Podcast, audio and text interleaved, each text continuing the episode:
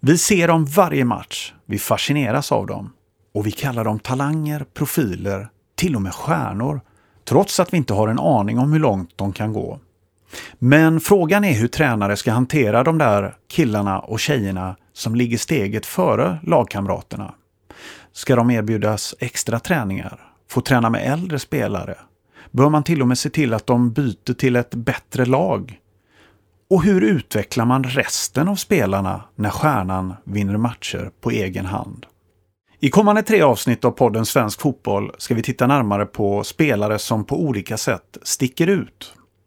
Den här gången pratar vi med Anneli Norén, nationell fotbollsutbildare på Svenska Fotbollförbundet som tränat några av de spelare som finns i dagens damlandslag. Hon ger bland annat tips på hur talangerna kan användas för att lyfta lagets övriga spelare. Välkommen till ett nytt avsnitt av podden Svensk Fotboll. Jag heter Juan Martinez.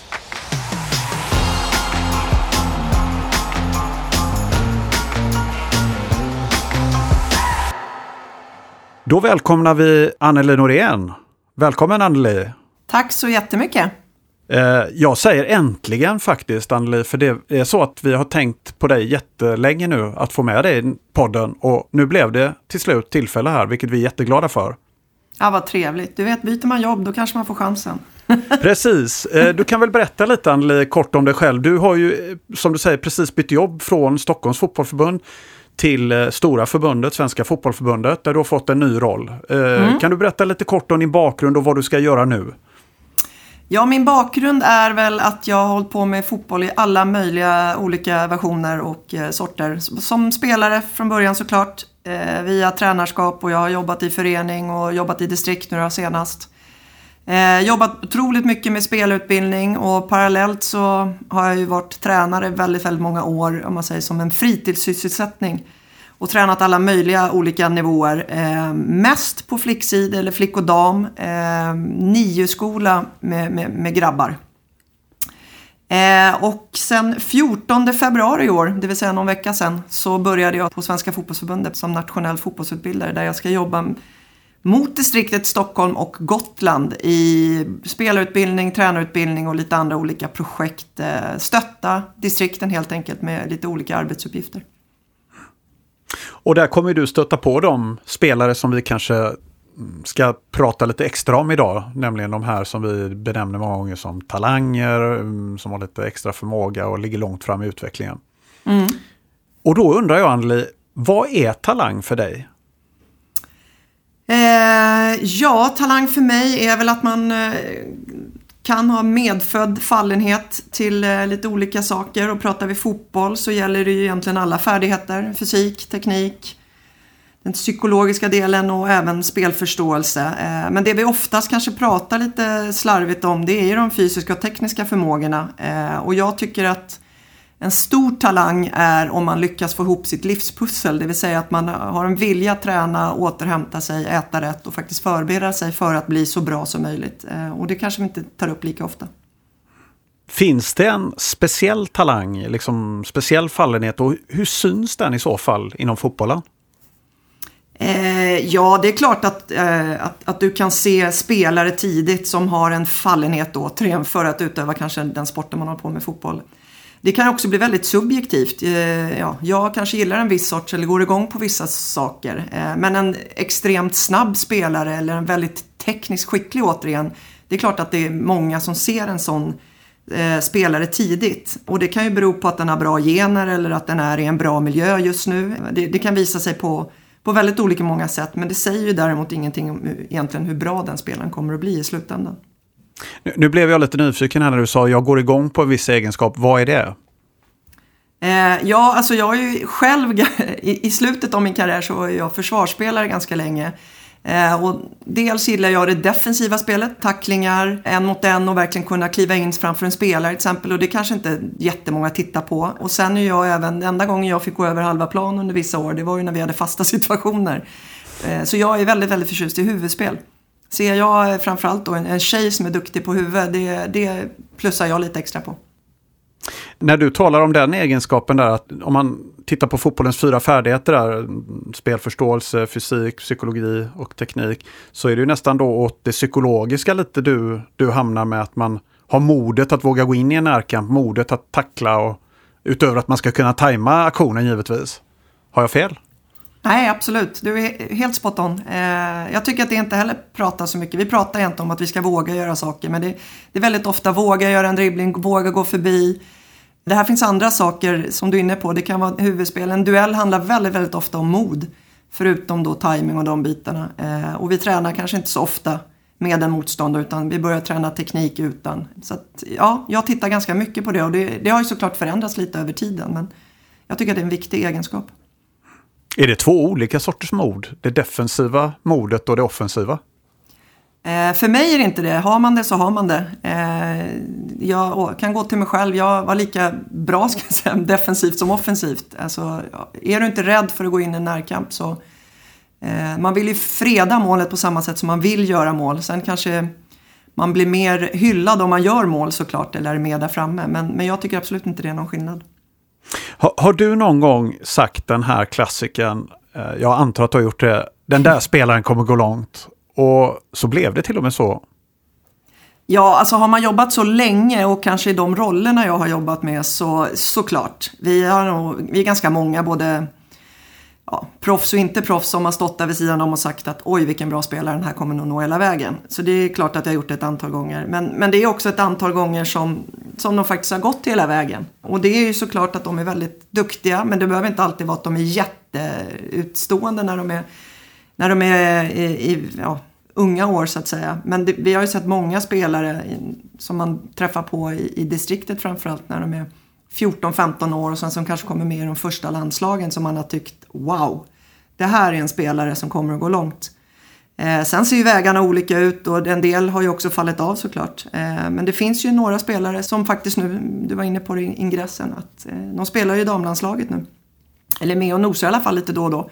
Vilket är jättehäftigt. Eh, men jag tror också att vi ganska ofta som ledare, vi är lite benägna att identifiera istället för att utveckla. Vi är ganska snabba på att okej, okay, den här tidiga fallenheten eller vad det nu är för någonting, någon som sticker ut, det är vi beredda att lägga ner lite tid medan det finns ganska många andra som får jobba eh, hårdare i, bakgrunden.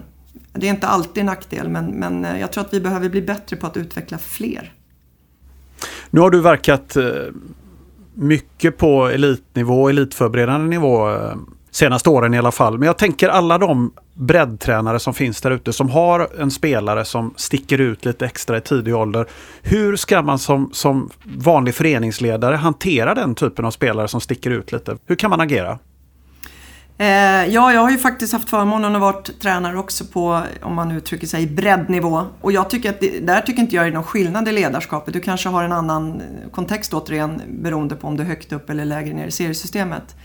Men det är viktigt att förstå tycker jag som, som tränare att, att alla i gruppen är olika individer och man behöver behandla dem lite olika just på grund av det.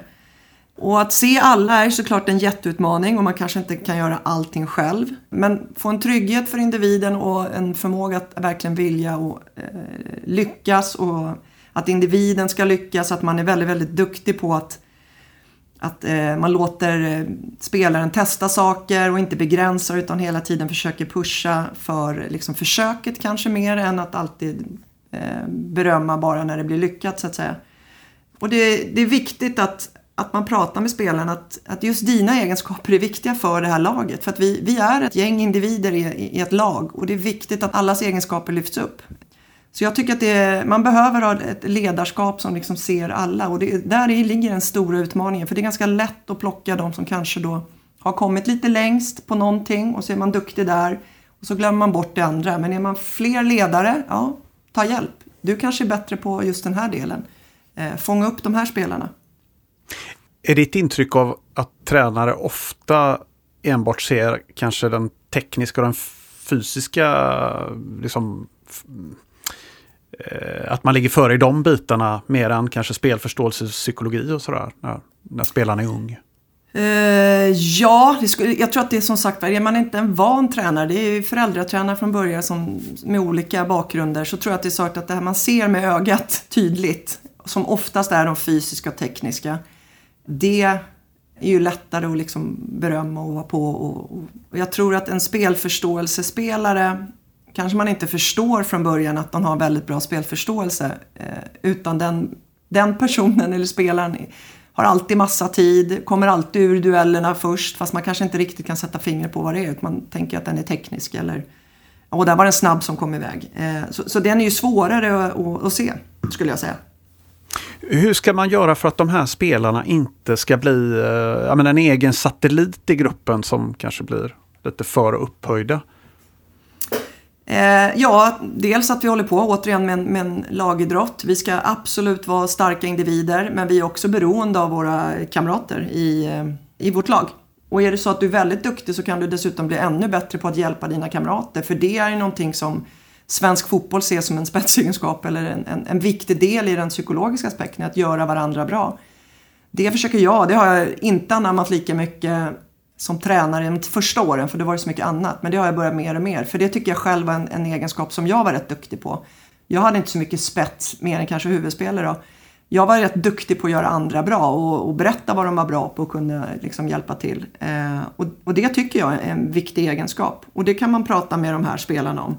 Men sen också göra saker utanför plan, göra saker tillsammans. För är man bäst på en fotbollsplan då innebär inte det att man är bäst när man ska iväg och spela paintball eller vad det nu är för någonting.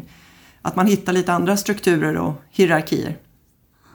Eh, du var inne på det lite förut, eh, Anneli, men finns det någon riktlinje man kan säga eh, kring vilken ålder man kan ge, börja ge andra utmaningar till enskilda spelare? Ja, jag tycker inte att man behöver sätta någon, någon ålder egentligen. Utan eh, spelarna är olika individer och, och, vissa spelare mår väldigt bra av att tidigt testa och göra olika saker. Och det kan ju vara i lekform. det behöver inte vara i något tävlingsmoment eller någon specifik övning. Utan man börjar och gör någon lek där man kan ge en liten extra utmaning till vissa spelare. För att de har en fallenhet redan tidigt att testa sina gränser. Och det behöver vi vara lite vakna på. Man behöver inte baka ihop alla i samma. Så absolut ingen ålder på det. Du, en fråga som man funderar på ibland, det är, många tränare brottas med tror jag, det, det är det här om man ska släppa en spelare i en viss ålder och när man i så fall ska göra det. Har spelaren vuxit, ja, men vuxit sig för, för bra för laget? Hur ser du på den frågan? Alltså om man har en bredd, ett breddlag och man ser att en spelare kanske är väldigt, väldigt långt fram. Ska man släppa en spelare då eller ska man försöka lotsa dem vidare till en bättre förening eller mer elitinriktad verksamhet? Eh, det är också en ganska komplex fråga såklart för att det är återigen individer. Eh, jag tror att om, om vi vuxna skulle backa bak och bara låta eh, spelaren få bestämma att nu känner jag att det här är inte så kul längre för jag vill ha fler, mer utmaningar. Då är det ganska, ganska enkelt. Det är dags för nu är spelaren själv som känner. Och så kan man hjälpa till då som tränare. Men sen behöver man också lära känna personen och det som kan förvåna mig ibland är just föräldrar som man tycker borde känna sina barn mest är väldigt snabba i att nu har de, hon eller han vuxit ur kostymen här, nu måste, nu måste vi vidare till nästa miljö. Medan man som tränare ibland kan känna fast, fast hon eller han är ju inte alls redo. Ja, den har massa fotbollsfärdigheter men den är inte så trygg i i, eller väldigt trygg i den här miljön men har ju väldigt svårt i så fort det blir någonting som sker utanför normen. Så att man, man behöver vara liksom lite, lite försiktig där tycker jag också. Att man, man behöver inte ha så bråttom. Sen kan jag tycka att är man i en miljö där man mår bra och utvecklas och så har man blivit väldigt duktig, då finns det ju en anledning också till att man är i den. Det är ju den miljön som har gjort att man är där man är. Så man behöver inte ha så bråttom. Eh, nu kommer vi in lite på föräldrarna som är oerhört viktiga och på en påverkansfaktor i en spelares eh, utveckling och karriär. Hur, hur, hanterar man som tränare föräldrar till en så kallad stjärna? För de, de kan ju vara ganska krävande ibland. Det som sagt var, backade vi alla undan, vi vuxna, så skulle det bli, nej, inte bara bra. Nej, men det, absolut är det så. Och jag har haft väldigt mycket föräldrar som har varit otroligt duktiga på att eh, se sitt barn för att de är en människa bakom fotbollsspelen. Det vill säga att de har lyssnat på i det här fallet hennes eh, motivation och hur hon har känt och, utan att ha bråttom och har rådfrågat mig kanske som haft lite större perspektiv. Men har hela tiden låtit tjejen i det här fallet bestämma och det blir, jag skulle säga att i 99% av fallen så blir det väldigt, väldigt bra för då har liksom spelaren fått bestämma vilket väg den ska bli och sen har fått lite olika alternativ. Eh, och sen ibland kan det ju vara också att man behöver stötta föräldrar i att här, den här möjligheten finns. För det är ju också några som de har ingen aning. De kanske är akademiker och har aldrig hållit på med fotboll eller idrott och vet inte att det finns no någonting annat heller. Där kan man ju också ha en, en, en rådande eh, relation så att säga med eh, men det är samma sak där. Det, det, det, är viktigt att man ändå träffar och möter föräldrarna. För det har jag gjort de gånger jag har tränat liksom, unga lag. Så har jag alltid haft föräldramöten. Jag har alltid försökt träffa varje föräldrapar med sitt barn för att prata om barnets fotbollsutveckling så att säga. För att kunna se, okej okay, vad är det för hemförhållande, hur mår den här, vad vill den? Och så få en liten förståelse. Sen kommer det alltid finnas föräldrar som vet bättre och vill göra någonting annat. Och det, då, då är det väl bara att backa. Du, ibland kommer ju hela kullar i en förening som sticker ut. Alltså de här som man kallar lite golden generations som, som dyker upp eh, här och där i breddföreningar då. Hur ska man göra där? Som, och då tänker jag kanske mer från ett föreningsperspektiv och, och som kanske ledare i ett annat lag. Hur, hur, ser du på den när man får fram en sån här riktigt framgångsrik kull? Ja, det här sker väl ganska ofta ändå, måste man väl säga, med tanke på hur mycket ungdomslag vi har. Och det, jag tror att det är så otroligt viktigt att man tidigt från föreningen har en tydlig spelutbildningsplan som man faktiskt jobbar med aktivt. Det här är det som gäller i våran förening och så här jobbar vi. Och när det, det är väl jättekul att det är något lag eller några lag som hittar en väldigt framgångsrik utveckling. Eh, men då behöver man också vara tidig med att försöka hitta samarbeten, kanske lagöverskridande träningar. Eh, och som allting som grundar sig i en gemensam spelutbildningsplan. För att det här är en, det är en förening som i slutändan kanske då ska få fram en x antal A-lagsspelare eller vad de nu har som, som slutmål. Att man tidigt försöker stävja det och få in allihopa i, i samma föreningstänk så att säga. För oftast kan ju de här, eller oftast kan jag säga, men ibland kan ju de här lagen sluta sig och kräva lite specialbehandling. Vi ska minsann spela på den här nivån och då behöver vi extra träningstider och vi vill inte släppa in de yngre spelarna och rotera upp här för att det är alldeles för hög nivå för dem. Hur, hur, hur ser du på det? Ja, det, det är en, en, en, tuff sak att handskas med. Jag vet att när jag jobbade i en förening här i Stockholm så var det precis det som skedde. Vi hade två lag i samma ålderskull och var, det ena laget var otroligt framgångsrikt. Det andra var, ja, men, tog lite längre tid, tränade lite mindre och allt vad det var. Och då var det ganska tydligt hur de ville göra. Och där, eh, ja, för mig blev det enkelt fast det var otroligt tufft just då. Men föreningen hade en tydlig policy. Vi, vi gör inga första lag eller utan vi jobbar tillsammans. Sen kan man ha olika grupperingar, absolut. Att de kallas blå och röda eller vad det nu är för något. Och jag tror att det, det är där föreningarna behöver sätta sin spelarutbildningsplan. Man behöver jobba med den och man behöver vara tydlig med att så här gör vi. Varför tror du att föreningarna ibland viker sig för de här enskilda lagen? Vad, vad, vad beror det på? Ja, det är väl jättekul eh, att ha ett lag som kan mäta sig med de, de allra största som det kanske heter. Eh, fast de bara är 10 år gamla eller 12 år eller vad det är för någonting. Och det, det ser jättebra ut på CVt att det här är en förening som, som också minsann kan ta fram duktiga spelare. Eh, och jag säger ingen, det är jättekul med alla dessa framgångar i tidig ålder av olika anledningar. Eh, jag brukar ändå hävda det, även om man har vunnit 22 Gotia Cup-guld och det, vilket är där och då jättekul. Men steget från junior till A, det, det är där någonstans vi börjar prata eh, utmaningar och vilka är det som faktiskt klarar av att bli, om man säger fotbollsspelare där i, på seniornivå. Om du skulle ge ett råd till alla de här breddtränarna, föräldratränarna som verkar i grupper som har stor spännvidd över spelarnas kunskap och färdigheter. Men kanske har en eller ett par spelare som sticker ut eh, väldigt, väldigt mycket. Vad, vad, vad skulle du säga till dem? Ja, framförallt låt dem sticka ut. Låt dem testa sina grejer, låt dem misslyckas, låt dem lyckas. Eh, beröm verkligen att de testar. Vi behöver ju de här spelarna, eh, eller vi behöver alla sorters spelare. Och man ska inte vara för tidig med, det är ganska ofta jag kan höra så att du måste släppa bollen.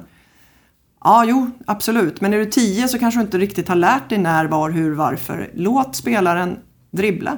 Låt den gå på avslut och sen kan man såklart prata om saker och ting. Men, men låt dem sticka ut. När de, det, det är ju det fotboll är till för, att man ska ha roligt och, och, testa saker. Och är man bra på det så, så ska man göra det ännu mer. Eh, sen tror jag även man behöver berätta ganska tidigt för de här spelarna som är snabba och tidiga på att testa nya saker. Du, du får inte glömma bort att, att vi, vi, är ett lag och vi behöver ju liksom alla för att vi ska kunna lyckas i en fotbollsmatch till exempel. Eh, så att även de förstår att kompisarna är väldigt, väldigt viktiga i, i laget. Är det vanligt att den här typen av spelare glömmer bort just den biten? att de är del av ett lag? Eh, också skulle jag säga, utan att veta 100%, men jag tror att ledarskapet är otroligt viktigt där. Har man en, en bra grund, trygg miljö, då, då är alla okej okay med att en, två, tre, fyra spelare gör lite sådär emellanåt. För att de vet att men vi är kompisar ändå. Är du en sån tränare som kanske pushar och är väldigt tydlig med att det här tycker jag är jättebra för att ni är nästan bäst på det ni gör, då, då tror jag att det kan bli tufft. Så har man en bra tillåtande miljö så tror inte jag det spelar någon roll faktiskt. Det är min erfarenhet i alla fall och de tränare jag träffat och mött. Anneli Norén, stort tack för att du gästade podden Svensk Fotboll. Tack snälla Juan. Du har lyssnat på podden Svensk Fotboll med Anneli Norén, nationell fotbollsutbildare på Svenska Fotbollförbundet. Har du några funderingar, tankar eller idéer som du tycker att vi ska ta upp i podden? Hör gärna av dig till podden at svenskfotboll.se. Det är tillsammans med alla er där ute som vi gör svensk fotboll lite bättre varje dag. Jag heter Juan Martinez. Tack för att du har lyssnat.